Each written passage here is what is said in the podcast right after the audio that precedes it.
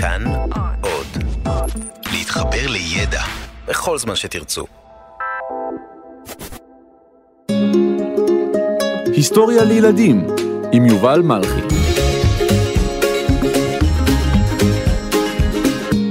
המרד הגדול.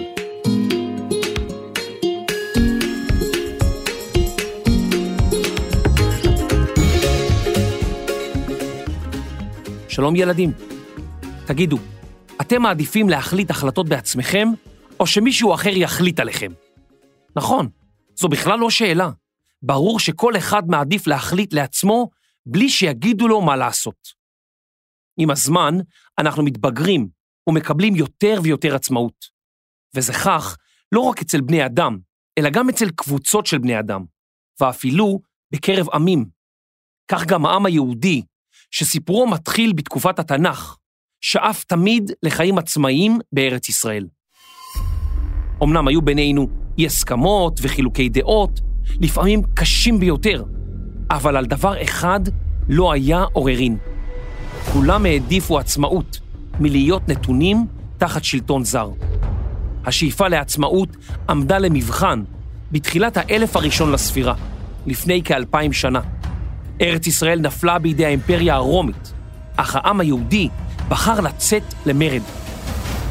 זה לא היה סתם מרד, אלא מרד נגד האימפריה החזקה בעולם. היה זה מרד אמיץ, מסוכן ונורא, והוא מכונה המרד הגדול.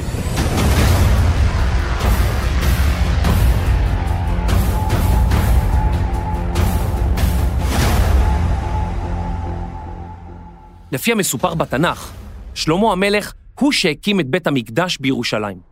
במשך מאות שנים היה בית המקדש מוקד עלייה לרגל וסמל של ריבונות יהודית. במאה השישית לפני הספירה, לפני כ-2,600 שנה, כבשה האימפריה הבבלית את ארץ ישראל. הבבלים לא רק כבשו את ירושלים, אלא גם החריבו את סמל הברית בין העם היהודי לאלוהיו, את בית המקדש. הם הגלו את יהודי ארץ ישראל לבבל. אוי, בבל, בבל, על נהרות בבל, שם ישבנו גם בכינו, בזוכרנו את ציון. אבל תראה כמה מוצרים יש להם במכולת. יו, תראה איזה זול פה, יו, בוא, בוא נשאר טיפונת ו- ונחזור, נשאר קצת ונחזור. טוב, אבל uh, על נהרות בבל ישבנו ובכינו, זוכרנו את ציון בכל... יו, חיים, בוא מהר, חיים! מה קרה? מה קרה? תראה, מילקי בזוז. וואו, אני, אני לא מאמינה. זוזי, ת- תני לראות, זוזי, זוזי רגע. וואו, מילקי בזוז? טוב, למעשה זוז זו רק בדיחה. לכסף של הבבלים קראו אז שקל. ערכו לא היה כמו ערך השקל שלנו היום, אבל היה לו אותו השם. כמה עשרות שנים לאחר גלות בבל, הארץ נכבשה שוב. הפעם כבש אותה כורש, מלך פרס. הוא היה מיוחד במינו, כי התיר ליהודים לשוב מן הגלות בבבל ולהקים שוב בית מקדש.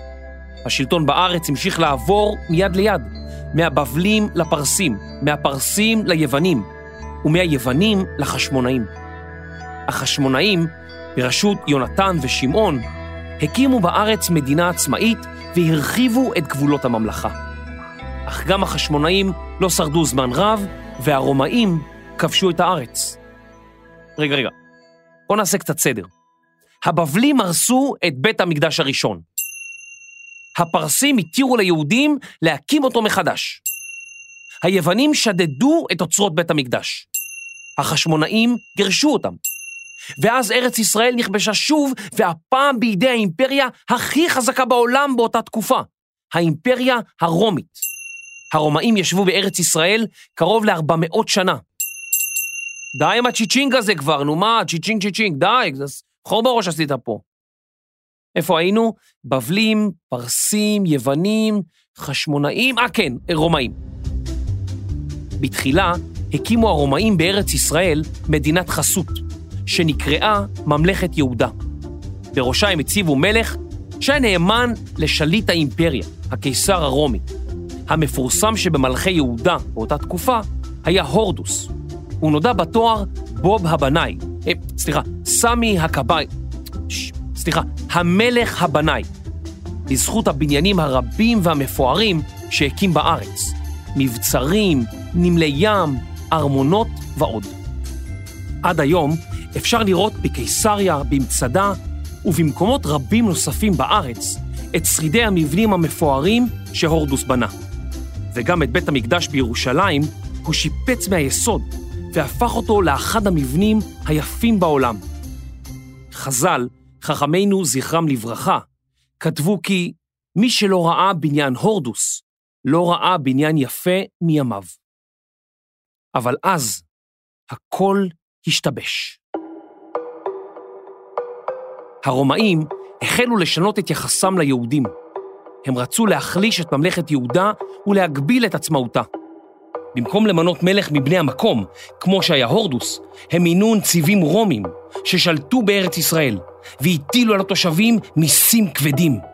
הנציבים הרומים גם התערבו במינוי הכהן הגדול בבית המקדש, וגזלו מן המקדש את הכסף שנאסף מעולי הרגל.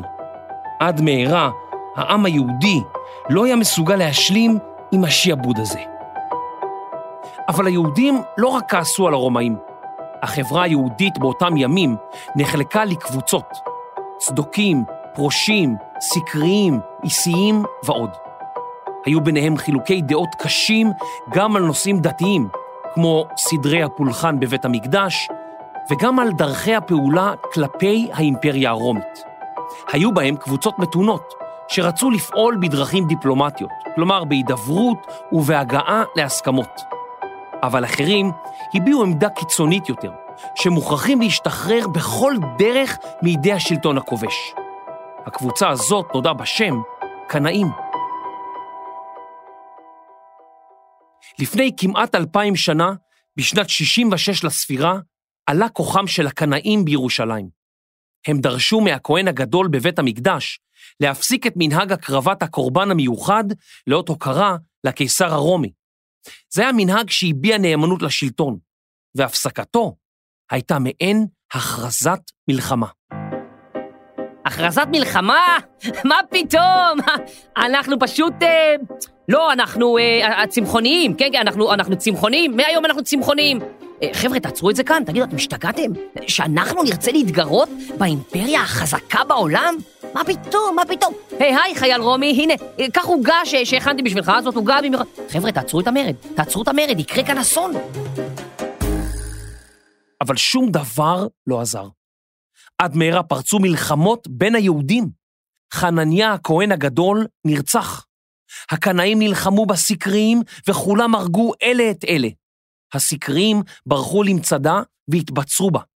שאר היהודים, בראשות אלעזר בן שמעון, פתחו במרד גלוי כנגד האימפריה הרומית. אלעזר יצא להילחם בחיילים רומים שחנו בקרבת ירושלים וניצח אותם בקרב.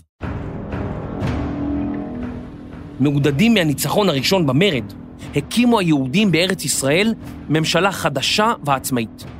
הם ידעו שהצבא הרומי ישלח כוחות גדולים יותר כדי לנסות ולדכא את המרד. מיד מונו מפקדים יהודים שנשלחו לכל חלקי הארץ כדי לבנות מבצרים ולהכין את הכוחות למלחמה. בניגוד למצב הצבא הרומי, שהיו לו ציוד מתקדם וניסיון רב, הלוחמים היהודים היו חסרי ניסיון צבאי. על מפקדי המרד היה להכשיר את הלוחמים. אחד מהמפקדים הללו היה יוסף בן מתתיהו. בתוך חצי שנה ביצרו יוסף בן מתתיהו וחייליו 19 יישובים בגליל, בהם טבריה שליד הכנרת, יודפת בגליל המערבי, גמלה ברמת הגולן ועוד. המטרה שהביצורים יעמדו בהתקפה הצפויה של הצבא הרומי על היהודים. כשנרון קיסר, הקיסר הרומי באותה העת, שמע על מרד היהודים, הוא הורה לשלוח נגדם כוח צבאי גדול של 60 אלף חיילים רומים, בפיקודו של אספסיאנוס. בטח שלחתי, אלא מה?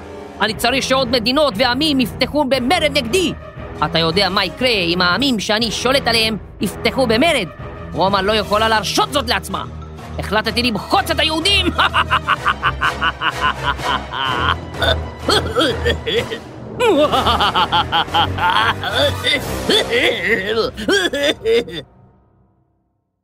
הכוח הרומי נחת בעיר הנמל עכו, ומשם יצא לדרך. הקשתים, לוחמי החץ והקשת, צעדו ראשונים, ואחריהם חיל רגלים, חיילים שצועדים ברגל, וחיל פרשים, כלומר, לוחמים רכובים על סוסים. איתם היו גם סוללי דרכים, שמטרתם הייתה להסיר מכשולים בדרך. היום קוראים לחיילים הללו חיל הנדסה. אחרי הכוחות האלה רכבו מפקדי הצבא, מוגנים בידי לוחמים חמושים בחניתות. אחריהם הובלו כלים כבדים כמו בליסטרה, מכונה חזקה שיורה אבנים למרחק ואל ניגוח, מוט ברזל ענק שהקצה שלו הוצב כמו פנים של אייל, והחיילים השתמשו בו כדי לבקע את חומות העיר המבוצרת כדי לפרוץ פנימה. רגע, שנייה, יש לי אחד כזה כאן. אה, אתם יכולים להכניס לי את אלה הניגוח לאולפן? תגידו, מה, אתם משוגעים? ביקשתי שתכניסו אותו רגיל, לא... בואנה, נשב... אתם שברתם כאן את כל הדלת, אתם... תגידו, מה, אני לא ברור? אמרת, תכניסו אותו לאולפן, לא ת... תשברו את הדלת. אני אומר לכם להפעיל את הבליסטרה. מה, תראו... הלו, או, או, או, תעצרו שם את ה... אימא'לה.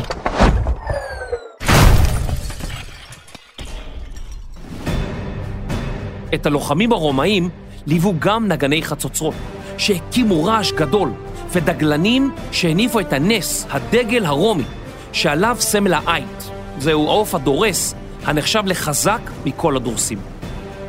ביחס לכוח האדיר של אספסיאנוס, ליהודים לא היה סיכוי. רבים נמלטו למשמע הדיווחים על הכוח הרומי האדיר שהגיע לכבוש את הגליל. כמה מהיישובים המבוצרים בצפון הארץ נכנעו בלי קרב. אולם ביודפת, סמוך לקיבוץ הסוללים, או צומת המוביל של ימינו, חיכתה ללוחמים הרומים הפתעה. הכוח הצבאי הגדול והמיומן של אספסיאנוס נתקל בהתנגדות עיקשת של המורדים, בפיקודו של יוסף בן מתתיהו. במשך שישה שבועות הייתה יודפת נתונה במצור, והכוחות הרומים כיוונו אליה מכונות ירי, חצים ובליסטראות, שירו אבנים ולפידים בוערים. לבסוף, העיר הוכנעה, ויוסף בן מתתיהו נפל בשבי אספסיאנוס. בשנה הראשונה של המרד, הרי הגליל נפלו בידי הרומים בזו אחר זו. אלפי יהודים נהרגו בקרבות נגד הרומאים. אלפים נוספים נלקחו בשבי, ויישובים יהודים ותיקים נהרסו עד היסוד. הבשורה על נפילת הגליל בקרב נגד צבא האימפריה הרומית הגיעה לירושלים והייתה מרה מאוד. נוכח השמועות הקשות מצפון הארץ והידיעה שהצבא הרומי עושה עכשיו דרכו לירושלים, אחזה בתושבים בהלה. התעוררו בהם ספקות. האם ההחלטה למרוד באימפריה הרומית הייתה טעות? האם יצליחו לעמוד נגד צבא כל כך חזק ולשמור על עצמאותם? יוסף בן מתתיהו, מפקד המרד בגליל, הפך עד מהרה להיסטוריון בשירות רומא. הוא ליווה את הצבא הרומאי בדרכו לירושלים ותיעד את כל מה שראה וחווה בזמן המרד הגדול. על ספרי ההיסטוריה שכתב, מתנוסס השם החדש שאימץ לעצמו כאזרח האימפריה הרומית, יוספוס פלביוס. בינתיים עברו כבר שלוש שנים מפרוץ המרד. המעבר ממקום למקום והשגת ציוד ואספקה ארכו זמן רב. לא כמו היום כשיש רכבות, משאיות, מסוקים, מטוסים וחנויות מכולת שיש בהן מקררים. אבל אתם זוכרים, גם בתוך ירושלים הדברים לא היו פשוטים. טרם בואם של הרומאים, ירושלים הפכה עיר מפולגת, עיר של ריב ומדון, עיר של מאבקים אינסופיים בין יהודים ליהודים. הם המשיכו להילחם זה בזה, שרפו בתים ומחסני מזון.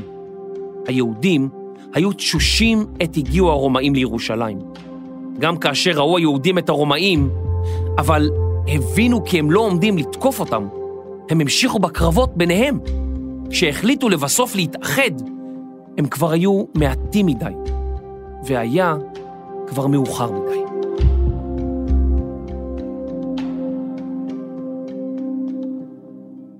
בינתיים חלו שינויים באימפריה הרומית.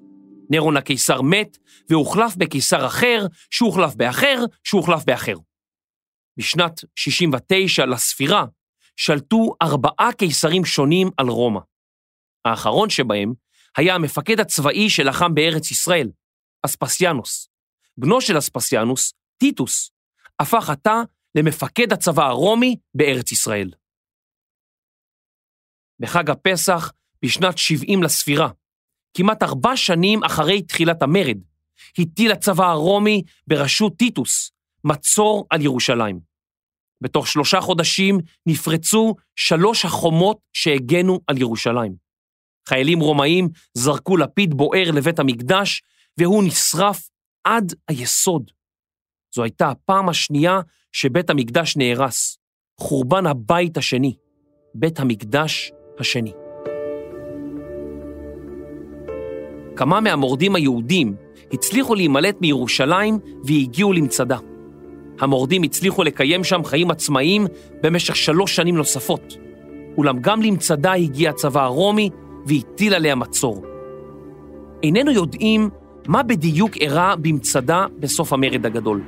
ייתכן שהיה שם קרב קשה, שבסופו נהרגו רבים מהיהודים שהתבצרו במקום, וייתכן כי היהודים שם בחרו לשים קץ לחייהם כדי לא למות בידי הרומים. מה שברור שאיש מהמורדים שהתבצרו במצדה לא שרד. הרומאים חגגו את ניצחונם על ממלכת יהודה בהטבעת מטבעות חדשים שעליהם התנוסס עץ דקל, ובצילו דמות בוכייה. על המטבע התנוססה הכתובת, יהודה השבויה. בתהלוכת הניצחון הוביל טיטוס את אוצרות בית המקדש לרומא. שם גם נבנה שער המנציח את האירוע. על השער שאפשר לראות ברומא עד היום, מפוסל תבליט של דמויות בולטות. התבליט ברומא מנציח את התהלוכה של יהודים אוחזים בכלי בית המקדש, בהם גם מנורת בית המקדש. המנורה עבדה מאז, וכיום אין יודעים את מקום הימצאה. על פי המסורת, חורבן הבית הראשון וחורבן הבית השני אירעו באותו יום בשנה, ט' או תשעה באב.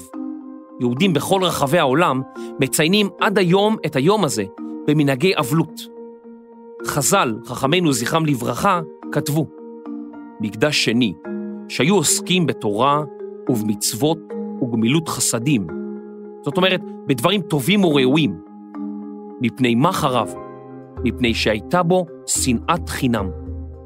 כלומר, חכמינו זכרם לברכה ראו בפילוג שבין הקבוצות בחברה היהודית את הסיבה העיקרית לאובדן העצמאות היהודית.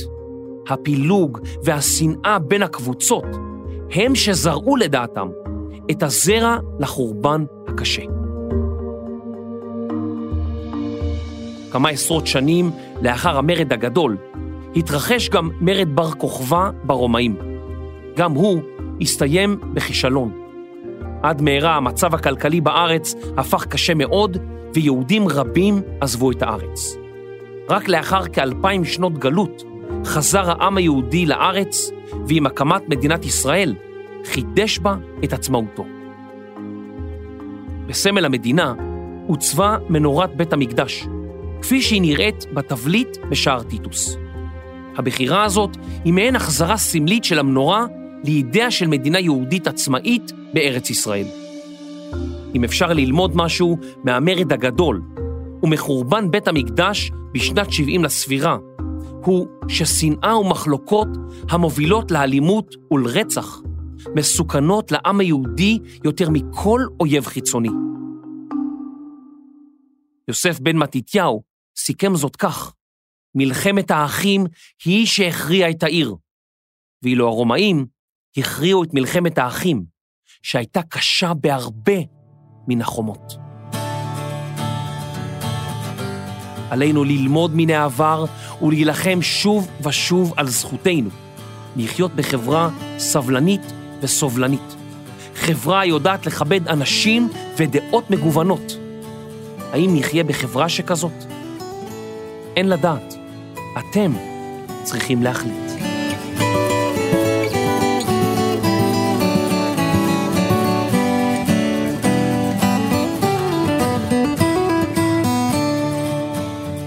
מחקר כתיבה והעריך חצים בוערים, תומר שלוש.